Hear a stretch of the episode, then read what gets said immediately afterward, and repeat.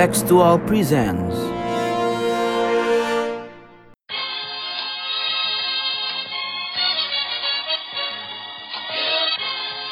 sondern wir schaffen uns unseren Staat. Mr. Gorbachev, open this gate. Together, we will make America great again. Sudah cukup bagi kita untuk mengatakan bahwa winter is coming.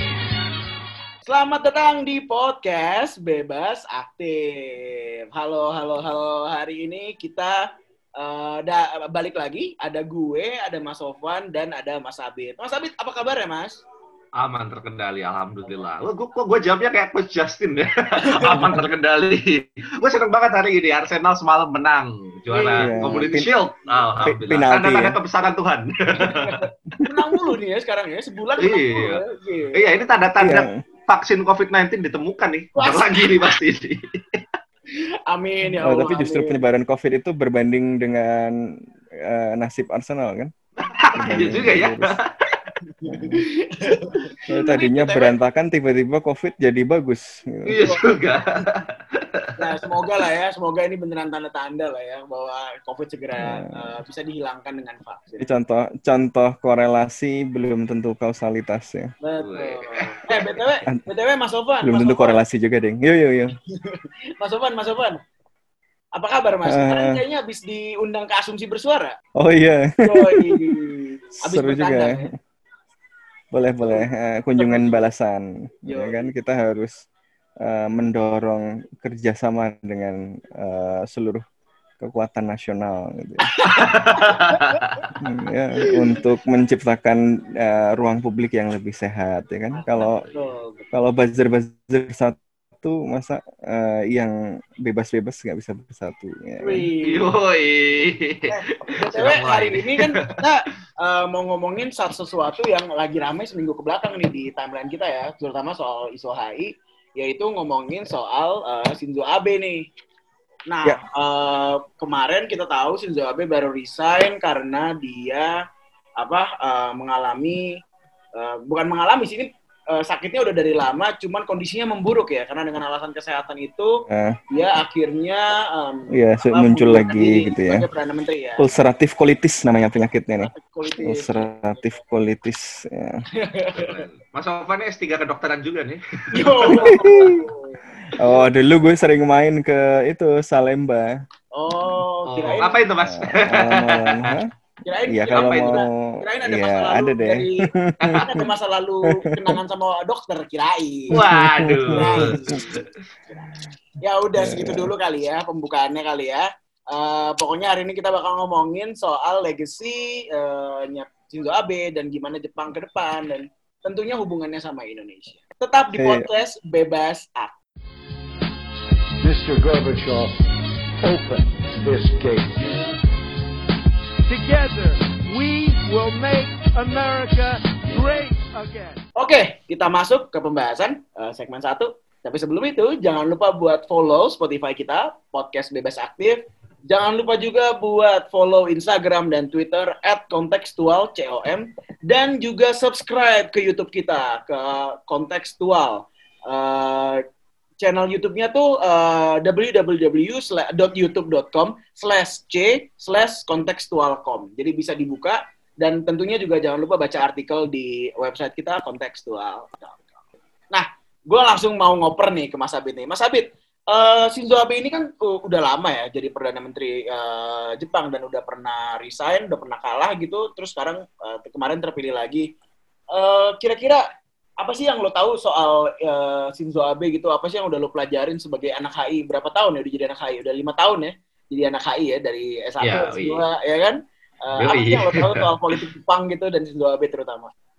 Nah, menurut gua eh, salah satu yang menarik adalah eh, kemarin di Wall Street Journal atau di Washington Post itu dibilang kalau Shinzo Abe itu the most consequential Japanese leader since World War II.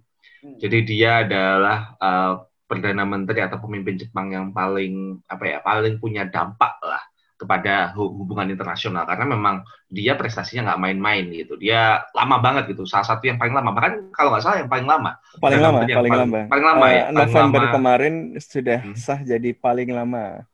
Wih. Uh, di dalam sejarah Jepang.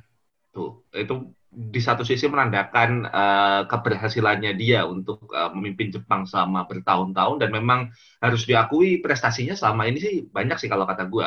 Pertama adalah ya ekonomi Jepang itu stabil dan menjadi ekonomi terbesar nomor tiga di dunia gitu dan masyarakatnya cukup kohesif. Ya tentu pasti ada kritik sana sini ya kalau kita nyari kritiknya pasti ada pasti ketemu lah. Tapi dari sudut pandang hubungan internasionalnya, gue pikir uh, Jepang punya kemampuan dan uh, citra yang sangat baik di uh, di mata dunia semenjak uh, kepemimpinan Shinzo Abe ini. Pertama dari oh, urusan soft power. Tidak soal... di mata tidak di mata Cina atau Korea atau oh, iya, sebagian negara-negara uh, Asia Tenggara. Ya ya kita tidak dia... kita tidak tidak bisa menyenangkan semua orang ya. Itu. Dia, tapi dia general pas... tapi general Jepang itu uh, salah satu negara dengan uh, soft power terbaik. Kalau teman-teman lihat di soft power index atau good country index Jepang itu selalu masuk minimal kalau nggak lima besar ya sepuluh besar lah. Dia apa ya ber, berada dalam satu uh, liga dengan Norwegia dengan negara-negara Skandinavia lainnya yang menunjukkan bahwa satu kualitas hidup di Jepang bagus dan punya daya atraksi yang menarik dan kemudian yang kedua adalah punya citra internasional yang sangat baik. Bahkan kalau misalkan uh, di level Asia Tenggara pun uh, hubungan Jepang dengan negara-negara anggota ASEAN sangat baik. Dengan ASEAN-nya sendiri secara kelembagaan juga uh, sangat baik. Dan ini berhasil apa ya menurut gue prestasi yang luar biasa sih. Karena kan Jepang punya sejarah nggak uh, enak tuh sama negara-negara di Asia Tenggara. Dan kemudian nah, dengan citranya di seluruh uh, dunia ya terkait dia bahwa dulu itu adalah penjahat perang dan seterusnya dan seterusnya tapi sekarang bisa menampilkan diri kalau dia juga bisa jadi orang baik juga gitu ah. tetapi kecuali menurut Korea Selatan, Korea Utara, dan Cina. Okay. Tentu selalu ada exception ya dalam Tapi, uh, beberapa kasus. Gue setuju sih. Kalau gue ngelihat Shinzo Abe gitu ya, apa Jepangnya Shinzo Abe ya terutama, itu uh, berhasil uh, menerapkan nasionalisme yang internasional. Jadi uh, tetap nasionalis. FPCI ya. Yoi. Jadi tetap nasionalistik gitu ya, tetap apa semangat uh, kulturnya nggak nggak hilang. Uh, militer defense-nya juga kuat. Eh, meskipun nggak punya oh. militer, nggak punya army. Kultur, ya, apa gimana gimana? Kultur militernya nggak hilang. Iya, iya, iya. Oh, Halo, Kementerian Luar Negeri Jepang. tapi menurut gue ya itu, tapi tetap bisa punya pandangan yang positif di mata dunia gitu. Nggak dilihat sebagai uh, rising power yang apa jahat gitu meskipun sempat ada malaria di Indonesia tahun 70-an tapi tetap aja gitu sekarang uh, situasinya ya baik-baik aja gitu meskipun ya kalau dipikir arminya gede gitu kan spendingnya makin besar terus uh, apa ya tadi jadi negara yang kuat tetap aja orang nggak ngelihat Jepang tuh sebagai sebuah hal yang ketakutan kecuali tadi ya soal Korea, Korea Selatan Utara dan Cina itu paling ya. Nah, uh, sorry sebenarnya bukan militer sebutannya, tapi self defense, defense force. Self -defense yeah. ya, self nah, uh, mungkin sebelum gua oper ke Mas Sofan, tadi yang perlu uh, diingatkan juga adalah salah satu uh, legacy dari Shinzo Abe adalah mencoba membuat Jepang ini menjadi negara yang normal kembali dalam tanda kutip normal. Hmm. Kenapa dibilang normal? Pertama dari sudut pandang keamanan kan Jepang semenjak menyerah di Perang Dunia Kedua itu uh, menjadi negara yang secara pertahanan nggak normal karena dia berada di bawah payung keamanannya Amerika Serikat gitu. Jadi ya. Jepang ya. tidak diperkenankan untuk membuat uh, angkatan bersenjatanya sendiri yang punya kemampuan melakukan ofensif uh, capability dan itu tertulis di uh, konstitusi Jepang yang membuat Jepang menjadi negara yang sangat pasifis. Uh, tetapi di zaman Shinzo Abe ini sudah mulai ada perubahan-perubahan secara gradual di mana uh, spending untuk self defense force itu menjadi meningkat dan bahkan punya reinterpretasi baru terhadap konstitusinya untuk membuat dia punya mungkin nggak yang sifatnya langsung menyerang yang sifatnya preemptif tapi punya kemampuan lebih untuk memastikan ada daya tangkal untuk uh, ancaman-ancaman di sekitarnya dan ini merupakan reaksi terhadap uh, perkembangan nuklir di semenanjung Korea. Uh, itu satu dan yang kedua adalah dari sudut pandang ekonomi juga uh, yang membuat Jepang menjadi normal kembali dalam tanda kutip adalah bahwa uh, kalau dulu kan Jepang sempat mengalami deflasi itu. Nah, melalui Abenomics yang mungkin nanti Mas Sofan menjelaskan lebih elaboratif lagi, ini berhasil membuat Jepang itu uh, growth ekonominya juga tumbuh walaupun sangat pelan ya, tapi uh, tumbuh dan mulai apa ya ekonominya menjadi dinamis lagi gitu. Dan yang ketiga yang menarik juga yang kadang-kadang orang itu uh, suka lupa adalah Jepang sudah mulai pelan-pelan itu terbuka dengan imigrasi. Meskipun nilainya sangat kecil ya, persentasenya sangat kecil, tapi hmm. ini berhasil mendobrak tabu di Jepang bahwa uh, imigrasi itu uh, seharusnya diperbolehkan mengingat uh, usia di apa namanya angkatan kerja di Jepang kan mulai menua nih menjadi hmm. aging society dan inget tuh dan, yang itu tuh karena apa? gue waktu itu masih di situ yang soal perubahan imigrasi ya? Eh, kebijakan soal imigrasi. Tadinya hmm. kartu gue itu namanya alien card. Nah, terus pas Waduh. zaman AB ini nah, naik lagi uh, eh, 2012 ya. Uh, kartunya jadi itu residence card. Ya. Wih, jadi ya itu itu yang salah satu yang membuat Jepang menjadi apa ya negara normal dalam tanda kutip itu ya. Walaupun gue sebenarnya nggak suka dengan istilah normal itu ya karena seakan-akan eh, itu sebelum kalau ya. itu normal gitu ya. Tapi uh, apa ya itu itu bahasa bahasa medianya lah. Tapi lebih dari itu itu menurut gue perlu di perlu diapresiasi sih karena nggak mudah dengan Jepang yang punya sejarahnya seperti itu, punya kultur dan masyarakat yang sangat khas, sangat spesifik dan kalau kita lihat uh, budaya politiknya pun juga cukup isolasionis ya kalau sebelumnya uh, restorasi Meiji itu masyarakatnya juga relatif tertutup gitu. Terus sekarang kemudian kita bisa melihat bahwa Jepang menjadi sangat terbuka dan bahkan harusnya tahun ini tuh menjadi penyelenggara Olimpiade uh, musim panas kan, tapi gara-gara corona harus ditunda. Jadi itu salah satu uh, tanda bahwa Jepang itu mulai menjadi negara yang apa ya, yang sangat baik positif di mata dunia sih, tentu dengan beberapa pengecualian. Saya oper ke Mas Sofan. Nah, Mas Sofan, Mas Sofan legasinya apa, Mas? Terutama aspek ekonomi nih, Mas. Banyak yang bertanya-tanya nih. Uh, eh, AB ini memang ini ya sosok yang uh, konsekuensial seperti tadi dibilang sama uh, eh, AB. Cuma memang uh, apa ya? Ya konsekuensinya ini bisa dilihat dari beragam perspektif sih.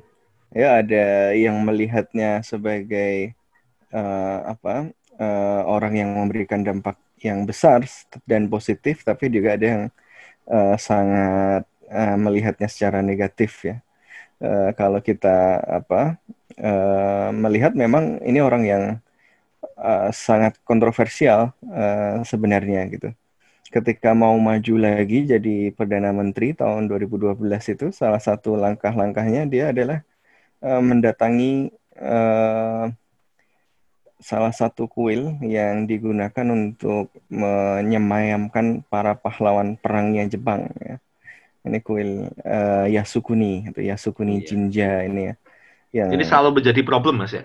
Betul, yang ini buat orang-orang Cina, orang-orang Tiongkok ya, orang-orang Korea ini adalah uh, tempat disemayamkannya para penjahat perang gitu. Makanya nah kenapa ya? Karena memang uh, AB ini uh, perdana menteri yang uh, ya memang dikenal uh, sebagai tokoh yang mendorong kebijakan luar negeri yang yang keras ya, yang cenderung uh, konservatif uh, juga di dalam uh, political outlooknya. Ini berdampak kepada uh, politik uh, AB di dalam negeri maupun politik luar negerinya uh, Jepang di luar negeri ya. Makanya konsekuensinya buat Indonesia juga lumayan. Kalau kita kemarin bicara soal Indo-Pasifik, nah salah satu yang pertama bicara soal Indo-Pasifik ya Shinzo Abe. Tahun 2007, uh, eh, waktu dia masih menjabat di periode pertama ya sebelum kemudian kalah uh, di uh, parlemen ya di upper house partainya kalah karena kondisi ekonomi yang memburuk uh, dia sempat berkunjung ke India dan di India itu dia bicara di hadapan Manmohan Singh uh, perdana menteri India pada waktu itu dan ya intinya mengatakan perlunya sebuah visi geografis baru. Nah, dia mengutip uh, Dara Shikoh, ini seorang intelektual zaman Mughal gitu ya, tentang pentingnya confluence of the two seas. Yang ini kemudian nanti akan berkembang menjadi Indo-Pacific Strategy, Free and Open Indo-Pacific uh, strateginya Jepang yang nanti uh, akan mewarnai sedikit banyak kontestasi geopolitik di kawasan ya, termasuk kita kemudian mendorong muncul munculnya Indo-Pacific Outlook ya ASEAN Indo-Pacific Outlook ASEAN Outlook for Indo-Pacific gitu. Jadi memang uh, dia apa ya uh, salah satu perdana menteri yang sangat aktif juga di dalam uh, hubungan internasionalnya dibandingkan dengan perdana menteri yang lain. Dan ini nggak mengagetkan karena uh, si Shinzo Abe ini, eh nggak boleh ngomong si deh ya, Shinzo Abe Sensei ini, Abe Sensei ini adalah uh, anak dari uh, Menteri Luar Negerinya Jepang tahun 80-an. Uh, itu Shintaro Abe. Jadi, Dan dia uh, cucunya mantan perdana menteri juga kan, Mas? Nobusuke Kishi. Betul, betul, oh, betul. Uh, jadi ini dari dari dinasti jadi dinasti politik nih. Yoi. Waduh. Uh, cuma cuma nggak jualan martabak dulu. Waduh. Uh, Aduh. dia, terus. dia dia nggak jualan martabak, dia jualannya uh, baja. baja dia. Oh, kirain dia di di Kobe Steel sebelum dia gabung ke apa uh, Kementerian Luar Negeri untuk membantu uh, ayahnya ya uh, Shintaro Abe ini. Jadi mau wajar kalau dia menjadi orang yang sangat apa ya foreign policy minded ini kalau bahasa uh, apa pengamat-pengamat HI Indonesia gitu ya.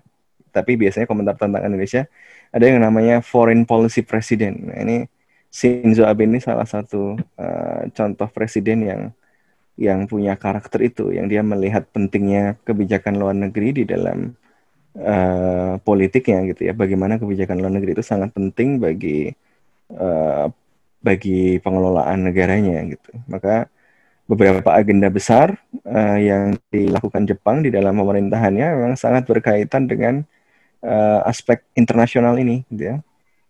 Tadi udah disebut sama Abid soal uh, mengembalikan Jepang menjadi negara normal. Nah ini ada kaitannya sama posisi Jepang uh, dulu sebagai negara yang kalah perang uh, ketika Perang Dunia Kedua ya, ketika Perang Pasifik. Mumpung masih Agustus Oh ini tapi disiarkannya sudah nggak Agustus ya. Uh, penting untuk mengingat Jepang itu uh, kalah perang dari uh, di Perang Dunia Kedua itu memberikan kita kesempatan untuk merdeka. Tapi Jepang sendiri nanti kemudian berada di bawah pendudukan Amerika Serikat sampai tahun 1952. Nah, pas 1952 itu berdasarkan uh, apa perjanjian ya, perjanjian uh, San Francisco ya, uh, ya perjanjian San uh, Francisco. Uh, kemudian tahun 1952 Jepang mendapatkan kembali kedaulatannya, tapi kemudian uh, mulailah uh, ada apa ya proses politik yang yang ya dikatakan lebih uh, merdeka.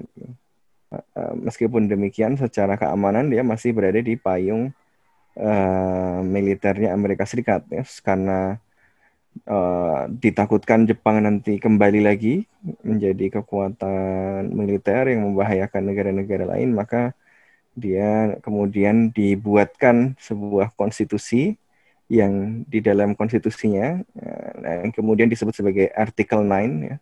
Artikel 9 dari konstitusi itu itu melarang uh, Jepang untuk memiliki kekuatan uh, militer ya. Uh, dan hanya boleh membela diri saja.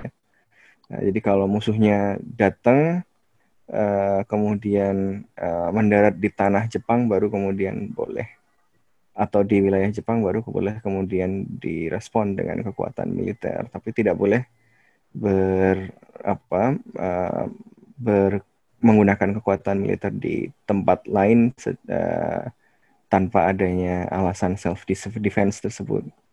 Waktu itu sih relevan-relevan aja mas ya, tapi kalau kita lihat sekarang sih rasa-rasanya susah juga untuk mempertahankan inter interpretasi kayak gitu ya melihat iya, makanya... ya di kawasan itu tuh bayangin di di situ ada China, ada Korea Selatan, ada Korea Utara, di sebelah timurnya Amerika Serikatnya juga lagi nggak bisa diprediksi lalu di sebelah selatannya ada Taiwan itu kan pusing yeah. juga ya kalau mempertahankan interpretasi. Exactly. Dan dulu yang menginginkan hal ini itu Amerika Serikat ya. Uh, supaya Jepang tidak menjadi ancaman, maka Jepang harus nggak punya kekuatan militer. Maka sama Amerika Serikat dibuatkan konstitusi yang melarang uh, militerisasi itu, yang melarang uh, apa pembangunan militer dan tindakan militer tadi selain uh, apa self defense. Maka militernya namanya self defense force kan JITAI. Uh, nah, cuma belakangan ini kan dunia kemudian berubah. Cina uh, China is rising yang sekarang berkepentingan Jepang jadi normal lagi Amerika gitu. Uh, jadi Amerika Serikat kemudian membutuhkan Jepang yang bisa lebih fleksibel menggunakan kekuatan militer supaya Amerika Serikat bisa uh, juga meng menghambat uh, Tiongkok gitu di di kawasan. Nggak perlu mengandalkan semuanya kekuatan Amerika Serikat gitu ya. Kalau sekarang kan uh, sedikit banyak masih harus Amerika Serikat yang menanggung cost uh, deterrence terhadap Tiongkok ini gitu ya. Karena Jepang punya constraint sebagai negara pasifis tadi, sebagai negara yang yang tidak normal itu. Uh, termasuk ketika global war on terror, Amerika Serikat juga agak uh, mencak-mencak karena kemudian ketika diajak ke mana-mana, ya Jepang dengan alasan artikel 9 ini nggak bisa ngirim pasukan kan yang dikirim Jepang akhirnya cuma uh, construction workers gitu kayak di Irak di Afghanistan gitu maka sering dia disebut sebagai uh, sekutu Amerika Serikat tapi yang ya, cuma mengandalkan cek diplomasi gitu. uh, diplomasi cek uh, ngebosin aja bayar duit doang gitu uh, tapi nggak nggak ikut uh, turun dengan kekuatan militernya dengan kondisi begitu maka uh, banyak dorongan untuk membuat uh, Jepang kembali ke normal. Eh, kelompok-kelompok uh, sayap kanan atau konservatif di Jepang sendiri juga melihat pentingnya uh, Jepang punya kekuatan militer sendiri karena dia nggak bisa mengandalkan kekuatan lain untuk menghadapi uh, kekuatan uh, terutama Tiongkok yang semakin uh, signifikan. Juga salah satu yang membuat Shinzo Abe populer salah satunya misalnya penculikan Korea Utara terhadap warga Jepang gitu ya uh, yang uh, yang terjadi tahun 80-an itu yang, yang salah satunya membuat uh, eh, AB yang sangat paling vokal terhadap isu ini maka dia apa ya ya memang foreign policy outlooknya melihat Jepang ini apa ya ada banyak tantangan yang harus dihadapi dan nggak bisa mengandalkan uh, lagi uh, payung perlindungan dari Amerika Serikat saja. Amerika Serikat juga berpandangan Jepang dibutuhkan untuk uh, memberikan pengimbang kepada Tiongkok. Uh, Jepangnya sendiri elitnya terutama dari uh, orang-orang konservatif uh, yang ada uh, di sekeliling AB dan AB sendiri uh, juga melihat perlunya membuat Jepang menjadi uh, normal. Tapi respon domestiknya ya ini karena apa ya nilai-nilai pasifis tadi terlalu kuat ditanamkan. Terlalu sukses ini soft powernya Amerika Serikat tahun 40-an itu.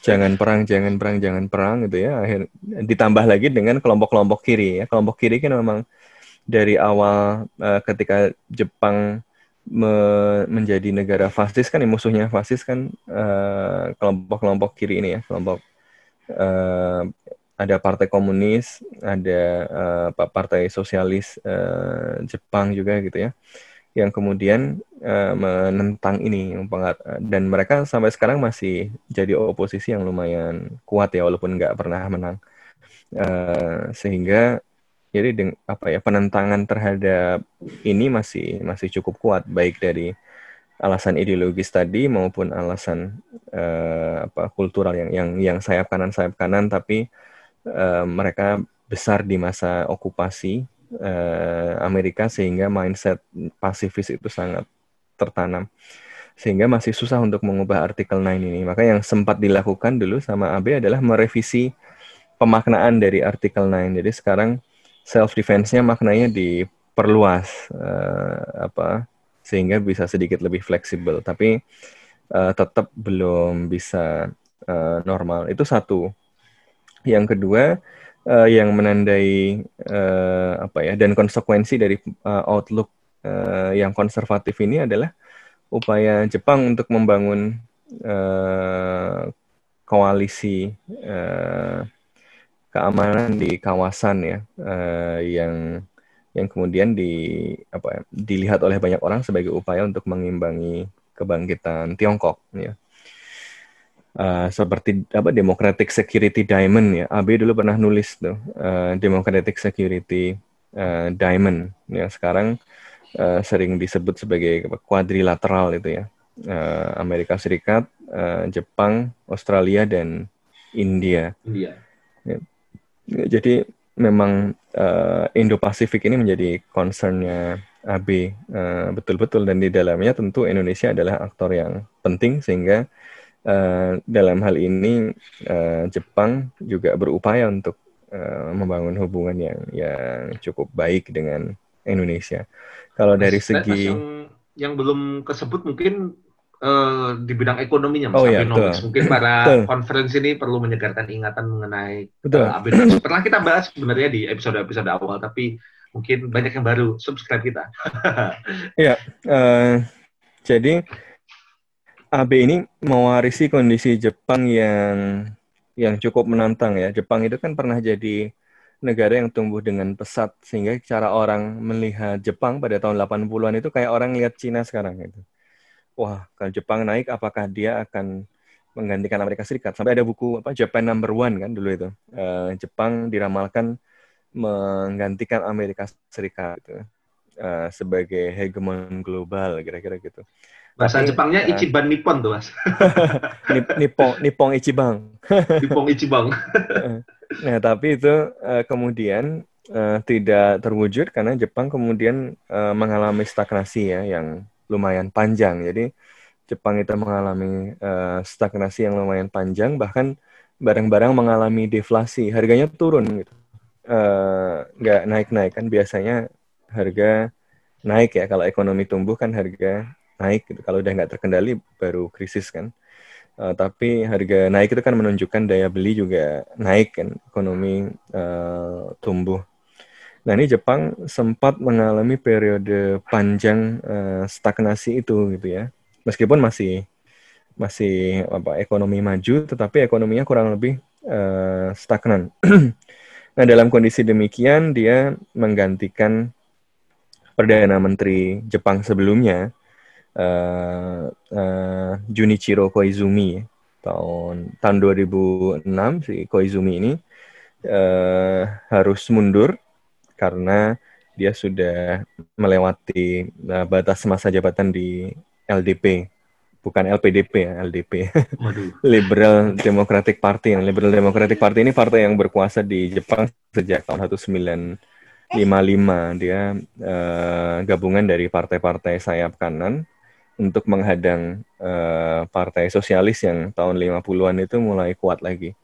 Dan nanti uh, tahun 70-an ya dalam nuansa uh, perang dingin juga uh, eh, LDP uh, eh, apa ya ya kurang lebih melakukan perang politik lah terhadap kelompok-kelompok sayap kiri ini. Salah satunya dengan uh, apa ya me, me, membangun apa ya serangan-serangan terhadap basis-basis sayap uh, kiri di Jepang termasuk di Kyoto itu ya dengan memanfaatkan ormas-ormas nah kira-kira gitu ya sama kayak di Indonesia ya main banyak uh, partai main main ormas gitu. So anyway, uh, ini bahasan berbahaya jadi saya geser. Uh, nah, uh, LDP, uh, tapi dengan segala kontroversinya LDP uh, pada tahun apa ya tahun-tahun awal tersebut sampai tahun 80-an lah ya itu cukup sukses membangun ekonomi uh, Jepang. Uh, nah tapi kemudian mulai uh, apa ya tahun pas pas ketika si AB ini mewarisi Koizumi situasinya sudah sudah berbeda kondisinya uh, stagnan orang mulai kecewa sama LDP sebenarnya makanya ketika kemudian AB mengambil alih posisi uh, uh, di LDP posisi pemimpin LDP dari uh, Koizumi. Kemudian dengan demikian dia kemudian menjadi perdana menteri. Uh, dia tidak populer karena LDP-nya juga tidak populer. Orang sudah muak sama LDP jadi LDP ini uh, juga apa berhasil tapi juga apa ber- dulu berhasil, kemudian sekarang resesi ditambah lagi dengan eh, banyak kasus-kasus korupsi. Jadi pas AB eh, naik ya dia berjanji me- merevitalisasi ekonomi ya, kemudian eh, memperbaiki sistem pensiun ya, dan sistem asuransi kesehatan. Tapi yang kemudian terjadi eh, publik melihat ada apa ya kecewaan bukan kepada AB secara spesifik tapi pada LDP-nya karena kemudian eh, apa terjadi pengungkapan kasus eh, penyalahgunaan lah ya semacam eh, apa ya korupsi lah ya eh, dana pensiun ya, dari warga eh, Jepang gitu ya. Yang kemudian membuat LDP ini sangat tidak populer karena eh, pada masa AB ini menyikapi dugaan penyalahgunaan dana pensiun ini, peng- penyalahgunaan pengelolaan dana pensiun ini responnya lambat gitu. Jadi kelihatan nggak serius nih ngungkapnya gitu. Nggak sampai ini sih, nggak sampai keluarin perpu gitu, tapi eh, ya nggak nggak dikerjain gitu. Eh, Kira-kira. Oke. Nah tapi nggak pakai buzzer juga mas ya? Nah, anyway, ini kemudian membuat eh, LDP tidak populer tahun 2007. LDP kehilangan may- posisi mayoritasnya di parlemen.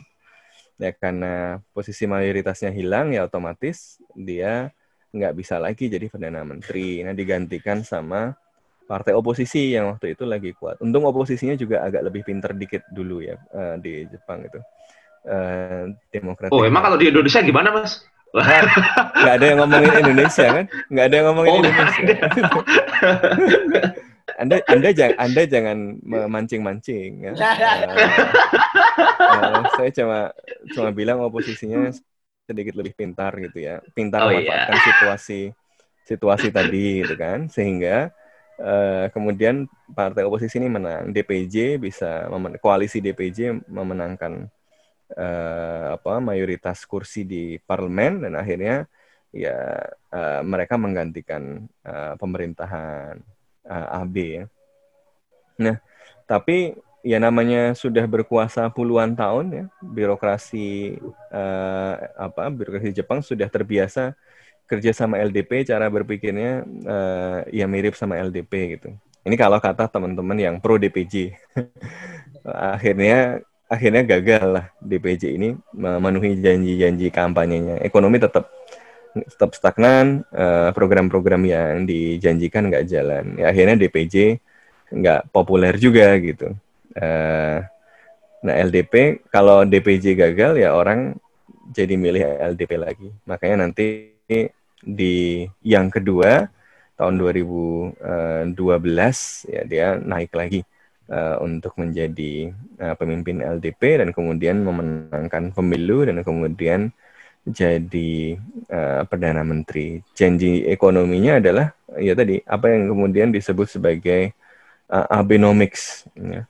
Dia menjanjikan ekonomi Jep uh, untuk me- membangkitkan kembali ekonomi Jepang yang lama stagnan, ya, ditambah dengan recovery terhadap uh, wilayah uh, Honshu. Nah, programnya macam-macam, uh, ningkatin uh, inflasi gitu ya, uh, membiarkan uh, nilai yen untuk turun uh, supaya uh, kompetitif, meningkatkan supply uang dan uh, government spending di uh, apa uh, public works uh, di proyek-proyek infrastruktur di proyek-proyek yang uh, ditujukan untuk kepentingan uh, publik. Awalnya Abenomics bekerja, uh, pertumbuhan Jepang sempat meningkat uh, cukup pesat tahun 2013 dan 2014. Uh, tingkat unemployment, tingkat pengangguran juga sempat turun.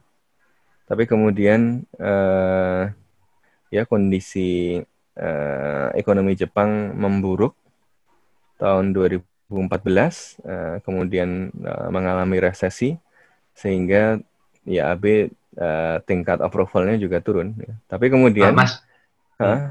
Mas, Tapi kan kemudian Mas yang Sofan men- tuh pernah pernah di itu kan, pernah di Jepang di masa-masa itu tuh, waktu Abenomics pertama-tama diluncurin Betul, dan kemudian bahkan betul. yang resesinya juga. Emang yang kerasa waktu itu apa Mas untuk Mas Sofan sendiri? Ada nggak sih? Hmm, Oh Selain ya, yang dapat beasiswa ya. oh yang jelas yang jelas yang jelas beasiswa dipotong. Aduh. Eh, jadi dulu pertama kali gue datang eh, Monbusho itu kan eh, 170 ribu yen ya. Eh, tahun kedua gue udah 160 ribu yen. Pas tahun-tahun terakhir itu Monbusho sudah sampai 100 berapa ya? 140-an atau 130 140-an ribu yen gitu. Nah, dulu sempat ada survei juga untuk anak-anak eh, beasiswa, penerima beasiswa ya. Kebutuhan bulanan itu berapa gitu. Itu sampai dulu anak-anak PPI japri-japrian. Eh, jangan dijawab jujur jujur jujur. Kalau dijawab jujur nanti nanti turun. Eh, tapi ya anyway akhirnya tetap turun ya. Eh, jadi eh, tapi masih cukup sih, masih cukup layak kok. Eh, jadi kalau pada mau kuliah di Jepang pakai beasiswa beasiswa menilai Jepang sih masih cu- cukup ya. Kecuali Wow, loh, kenapa Eh, promosi malah? party terus setiap malam gitu. Cuma cuma gini, cuma eh, ya itu ya itu menunjukkan eh, terdampak gitu ya Eh, ekonominya. Termasuk juga eh, tadi eh, lebih terbuka kepada imigrasi tadi ya. Ya tadi yang gue bilang eh, tadinya kartu gue sebagai pendatang di Jepang itu sebutannya alien card ya. Nah, terus eh, sekitar tahun 2012 kalau nggak salah itu namanya jadi eh, residence card. Jadi hak-haknya juga meluas, agak sedikit berbeda dengan eh, alien ya. Eh, sudah kayak disamakan sama penduduk lah. Nah, cuma tadi eh, tadi Maya eh, ternyata keberhasilannya cuma sampai tahun 2014 terus resesi eh, apa tingkat popularitasnya turun. Cuma karena pas oposisi memimpin juga nggak berhasil berhasil amat, orang juga udah males ya pergi ke ke pemilu gitu. ya. Oposisi ngomong lagi, ayo kita gantikan LDP lagi gitu ya. Itu orang udah udah males juga gitu. Ah, lu juga nggak bisa ini gitu. Walaupun kalau kata, Iya. kalau kata orang-orang yang dukung DPJ ya kan dulu masih karena birokrasinya masih terlalu apa ya terlalu dekat sama orang-orang LDP cara berpikirnya cara berpikir orang LDP sehingga nggak berhasil tuh program-programnya DPJ gitu kira-kira gitu. Oh, Tapi nggak sampai bikin koalisi aksi menyelamatkan Jepang kan? ada juga kayaknya tapi Ada juga ada ya juga kayaknya. tapi tapi eh, nggak apa nggak rame yang datang gitu ya oh misalnya itu kamp- kampanye sepi banget bos Eh, kam- tapi menarik kampanyenya sepi tapi kayak politisi-politisinya kayak bahkan AB sendiri itu bagi-bagi sendiri pamflet gitu di Oh. stasiun di apa gitu ya Eh, Iya, iya. Tipikal jadi apa Heeh, beda ini ya kayaknya model kampanyenya beda sama di Indonesia yang yang rame-rame ada dangdutan atau salawatan gitu ya Keren juga ya kalau misalkan apa eh, kampanye politik di Jepang tuh ada AKB48 gitu. Rame pasti. Itu parlementer lah. Kayak gitu. Iya. Wis. Iya lah. Jadi harusnya sih memang kayak gitu. Politisi Aduh udah emang ini ada buzzernya Jacob Rees-Morgan. Jacob Rees-Mogg, sorry Jacob Rees-Mogg. Iya. Oke, Nah, kita nah, mungkin anyway karena udah- udah karena cukup kondisinya panjang, Mas. begitu, akhirnya dia akhirnya dia kepilih lagi gitu ya, walaupun sebenarnya nggak populer. Jadi sampai akhir ini dia dia bisa jadi perdana menteri paling panjang, padahal tingkat approval ratingnya di bawah 50% loh gitu. Tapi ya orang udah males gitu. Ya alternatifnya nggak ada juga gitu. Mhm. Oke, Biasa. kita cukup udah cukup cukup panjang nih di segmen satu. Kita akan masuk ke segmen dua membahas bagaimana uh, legacy Shinzo Abe terhadap Indonesia dan bagaimana kemungkinan hubungan Jepang dan Indonesia di masa mendatang. Tetapi podcast bebas Abe. Mr. Gorbachev, open this gate. Together, we will make America great again. Tadi kita udah ngomongin mengenai uh, legacy Shinzo Abe di Jepangnya sendiri dan secara umum di bidang hubungan internasional ya. Uh, nah, tapi menurut lo, Fis, menurut lo apa sih uh, dampaknya hubungan Shinzo Abe ini? Dampaknya. Dampak dari kepemimpinan Shinzo Abe ini bagi Indonesia yang lo tahu sebagai anak muda. yang menurut gue, eh, gue nggak mungkin nggak bisa bilang Shinzo Abe secara spesifik ya, tapi eh, terbukti bahwa karena selama ini Jepang ada satu partai, eh, foreign policy-nya Jepang, nggak cuma foreign policy bahkan eh, kebijakan ekonominya, apa pun yang datang ke Indonesia tuh konsisten menurut gue. eh, dari dulu dari ya dari pertama kali dia masuk tahun 70-an. Jadi nggak ada kayak apa U-turn Jadi lu mendukung politik satu partai gitu ya? Udah. Tadi katanya dukung parlemen. itu masalah. Nah, jadi bukan bukan maksudnya uh, karena berhasil berhasil menjaga uh, popularitas dan mungkin memang tadi ya kata Mas Sofwan uh, rakyatnya nggak punya pilihan lagi dan segala macam.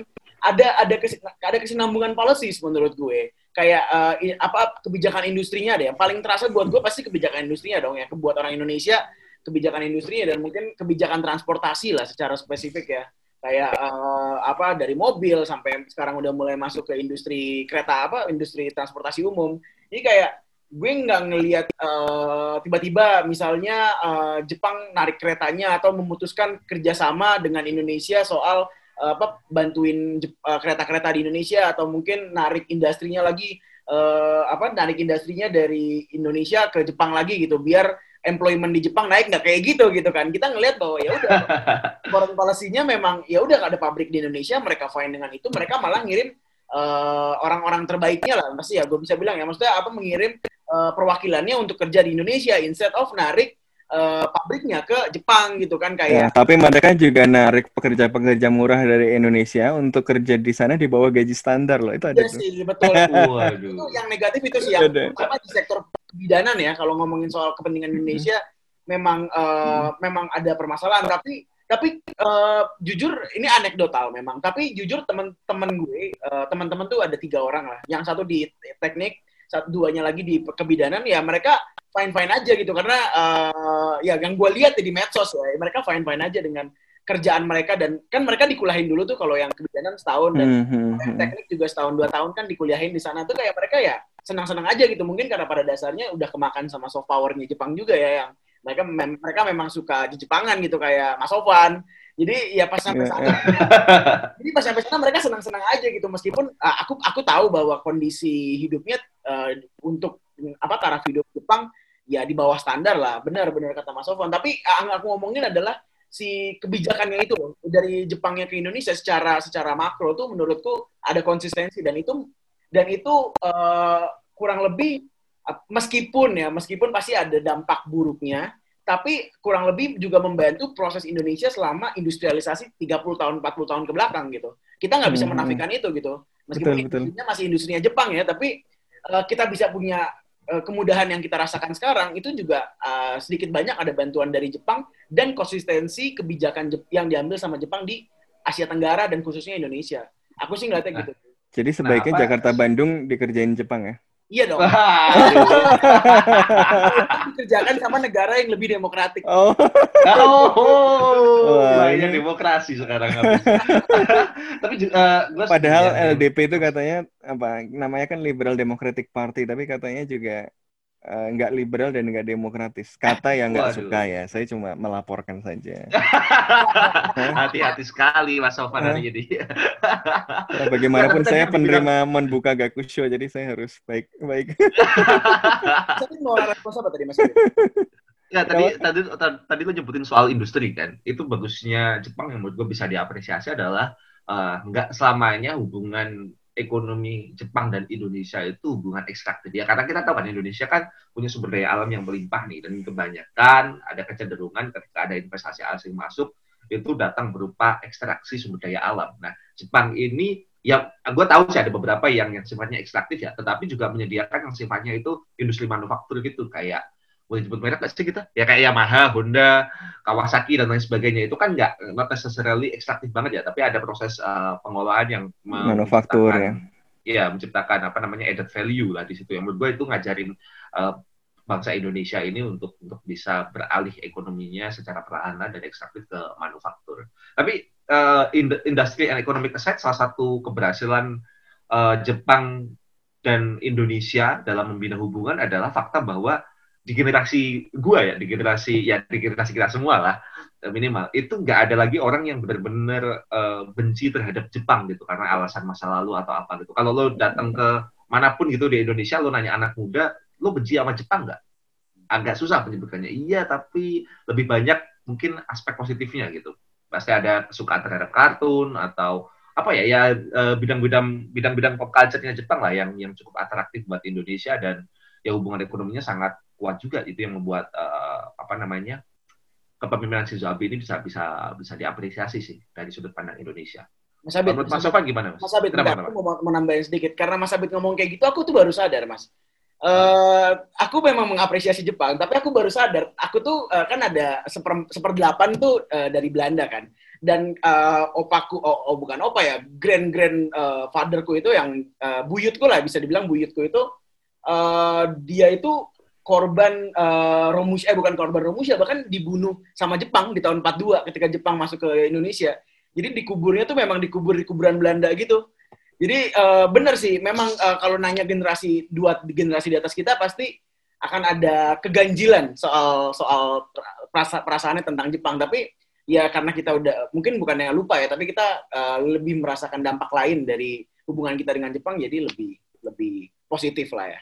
Iya, dan, dan kalau misalkan kita nyari perbandingan nih, ya, uh, persepsi rata-rata orang Indonesia terhadap Belanda sama Jepang, gue yakin lebih positif terhadap Jepang daripada Belanda gitu. Sekarang ya, sekarang ya, betul. Sekarang, sekarang ya di generasi kita ya, Betul. di generasi kita semua, Mas. Nggak usah merasa tereksklusi gitu dong, Mas. mas Sofan generasi kita juga. Iya. Nah itu apa? Ini yang Iya, paling Kak. lucu. Iya, oh iya, Kak. di antara kita bertiga yang paling bimbu Mas Sofan. Gimana tuh Mas menurut Mas Sofan mengenai persepsi Oh, menurut- orang Indonesia terhadap Jepang? menurut nih? siapa paling wibu gitu atau gimana? Nggak, nggak, Oh. Iya, eh, kalau menurut gue eh, ya eh, apa ya Jepang ini negara yang sangat berpengaruh pada kondisi ekonomi Indonesia ya. Eh, tentu ada aspek baik dan buruknya.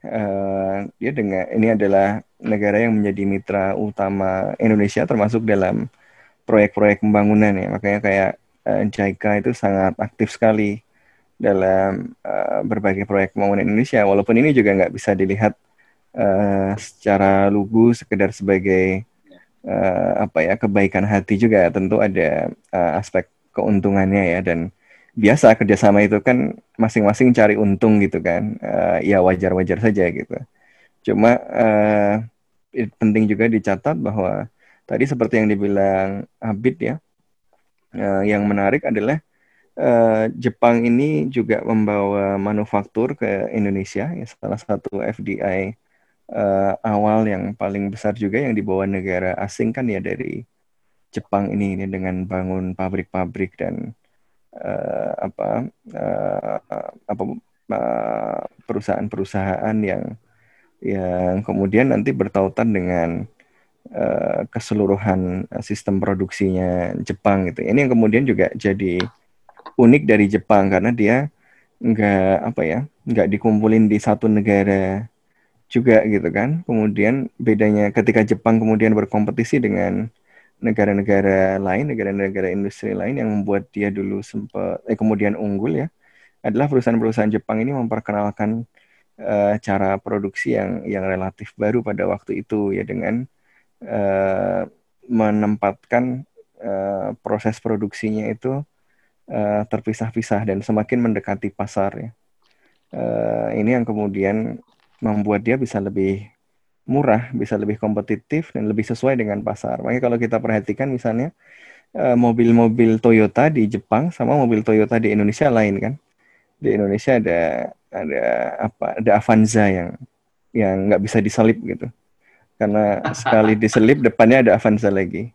Eh, disclaimer mobil gue Avanza juga. Eh, eh, gue cukup merakyat lah ya, eh, sama sejuta umat gitu. Eh, ya, ta- tapi kira tapi beda sama kalau di Jepang atau di eh, Thailand gitu kan, karena kondisinya berbeda-beda gitu. Nah Jepang Jepang yang perusahaan-perusahaan Jepang yang memperkenalkan eh, model eh, yang seperti ini gitu ya, di mana eh, dia bikin eh, apa pabrik beberapa bagian dari proses produksinya itu eh, dipindah ke tempat yang semakin mendekati pasar. Nanti komponen dibuat di mana, karoserinya di mana, eh, apa ngumpulinnya di mana. Yang ini nggak cuma ada di mobil juga, tapi juga di berbagai barang-barang yang lain. Nah, ini yang kemudian nanti juga punya konsekuensi menciptakan kebutuhan untuk integrasi kawasan. Ya makanya bisa dibilang integrasi ekonomi Asia Tenggara ini salah satunya didorong ya oleh tumbuhnya uh, uh, operasi perusahaan-perusahaan multinasional dari Jepang di kawasan dari tahun 80-an sampai 90-an. Makanya Jepang sangat berkepentingan dengan kawasan Asia Tenggara ini, ya, termasuk juga aktif mendorong integrasi kawasan. Makanya kalau kita kenal salah satu think tank yang paling berpengaruh dalam soal integrasi ekonomi di ASEAN, itu ada ERIA, itu dana awalnya dulu dari Jepang juga gitu. Waktu Asia Tenggara uh, mengalami krisis dalam krisis Asia tahun 1997 1998 dan uh, apa negara-negara Asia Tenggara apa ya sedang kecewa dengan IMF karena IMF nggak mau bantuin secara serius ya bantuin tapi dengan syarat yang aneh-aneh yang macam-macam uh, Jepang sempat punya rencana membuat Asian Monetary Fund uh, yang kemudian ya karena tekanan Amerika Serikat nggak jadi kejadian, tapi sempat juga menawarkan bantuan secara unilateral kan. Uh, nah ini menunjukkan betapa pentingnya kawasan Asia Tenggara untuk ekonomi Jepang dan betapa pentingnya negara paling besar di Asia Tenggara yang namanya Indonesia itu.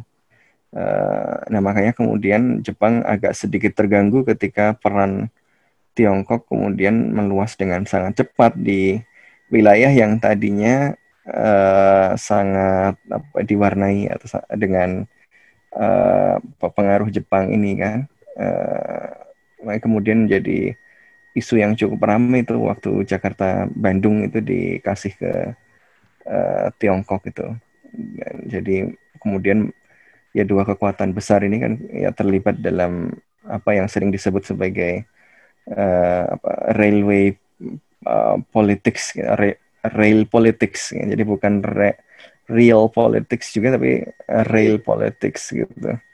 Uh, ya mereka mendorong pembangunan rebutan proyek-proyek infrastruktur di negara-negara Asia Tenggara gitu. Tapi yang tadi menarik juga, uh, image positif Jepang ini juga nggak muncul tiba-tiba ya. Tahun 70-an itu dulu demo besar itu ya gara-gara investasi Jepang yang masuk besar-besaran ke Indonesia. Dulu ada malari kan malam petaka 15 uh, Januari. Itu kan yang jadi sasaran utamanya adalah investasi asing dari Jepang. Makanya kemudian uh, menarik sekali untuk melihat bagaimana sesuatu yang tadinya sangat apa ya dimusuhi dan kontroversial kemudian menjadi sesuatu yang apa ya yang yang sangat disukai gitu. Jadi memang dalam hal ini soft power itu uh, matter gitu ya, uh, sangat berpengaruh juga dalam hubungan Indonesia-Jepang ini. Oke, penjelasan yang sangat menarik sekali dan salah satu yang paling ikonik tuh mengenai hubungan Indonesia dan Jepang tuh lo tau nggak? Oh iya, apa, satu lagi. Apa tuh? Satu lagi, uh, Bit, sebelum pertanyaan lucu-lucuan itu atau pertanyaan nggak lucu deh ya itu serius. tadi kan baru Jepang secara umum nih, uh, tapi AB-nya sendiri signifikannya di mana? Ya tadi AB signifikannya ya di dalam uh, outlook hubungan internasionalnya yang sangat uh, apa ya uh, melihat pentingnya kawasan uh, Indo-Pasifik tadi. Ya, ini kemudian berpengaruh tentu kepada pada kawasan ya. Di salah satu yang dipresentasikan awal oleh AB gagasan Free and Open Indo-Pacific itu ya ya Indonesia. Tapi di sisi lain Tiongkok juga mengumumkan Maritime Silk Road, ya, New Maritime Silk Road pertama juga di Parlemen Indonesia gitu ya. Ini menunjukkan bahwa memang uh, kita ini berada di dalam posisi yang uh, strategis tapi juga sekaligus uh, delicate gitu ya. Uh, sekaligus menantang gitu. Ini Indonesia ini ikut siapa nih gitu. Indonesia itu temannya siapa gitu. Temannya kita atau teman musuh kita nih gitu. Nah Indonesia ngomongnya soalnya kita teman siapa aja gitu kan. Tapi kalau ada orang lagi ribut, uh, terus ada orang yang ngomong temannya siapa aja itu kan biasanya agak kesulitan juga dapat teman yeah. gitu kan. Uh, makanya Indonesia mencoba menjaga perimbangan ini dengan kalau ke luar negeri kan biasanya kalau ke Cina ya harus mampir Jepang juga gitu kan. Kalau ke Jepang harus mampir Cina juga gitu. Kalau Cina dikasih Jakarta Bandung, Jepang dikasih Jakarta Surabaya gitu. Nah ini emang uh, salah satu yang kemudian menjadi sangat terasa pada zaman uh, eh, AB ini ya. Uh, bagaimana kemudian uh, persaingan di antara dua kekuatan besar ini uh, ya tentu berpengaruh kepada ASEAN dan berpengaruh kepada Indonesia. Yoi, kalau kata Taylor Swift kan friend to all is friend to none. Oke, tadi gue nggak jadi mau ngeluarin jokes, sudah dihantam momentumnya sama Mas Sofan. Oh sorry sorry sorry sorry. cek dong, cek dong, dong. Apa apa apa? Gak jadi, ya? gak jadi. Udah kehilangan momen cuy. Oh ya udah. Oke, terima kasih uh, teman-teman sudah mendengarkan. Makasih Mas Sofan, makasih Hafiz uh, untuk episode kali ini nih seru banget hari ini ngomongin di Jepangan dan ya kita berharap uh, PM Shinzo Abe bisa segera sehat dan jangan lupa untuk terus uh, subscribe podcast bebas aktif, kontekstual dan apalagi bis yang mau lo uh, promoin? Uh, website dong, kontekstual.com. Oh iya website. Sama ya, Instagram semuanya Twitter di follow lah. Ya, iya, iya. Jangan lupa follow at Muelija dan at Sofwan Albana dan gua nggak ada sosmed jadi nggak usah dicari. Oke, okay, terima kasih. Habis tutup dong. Oke, okay, terima kasih. Mas Tebak-tebakan Abid bisa ditebak. Enggak, enggak, enggak, udah hilang momen. Ya, episode kali ini terima kasih. Jangan lupa dengerin podcast bebas aktif yang lainnya. Sampai jumpa di episode selanjutnya. Dadah. Dadah.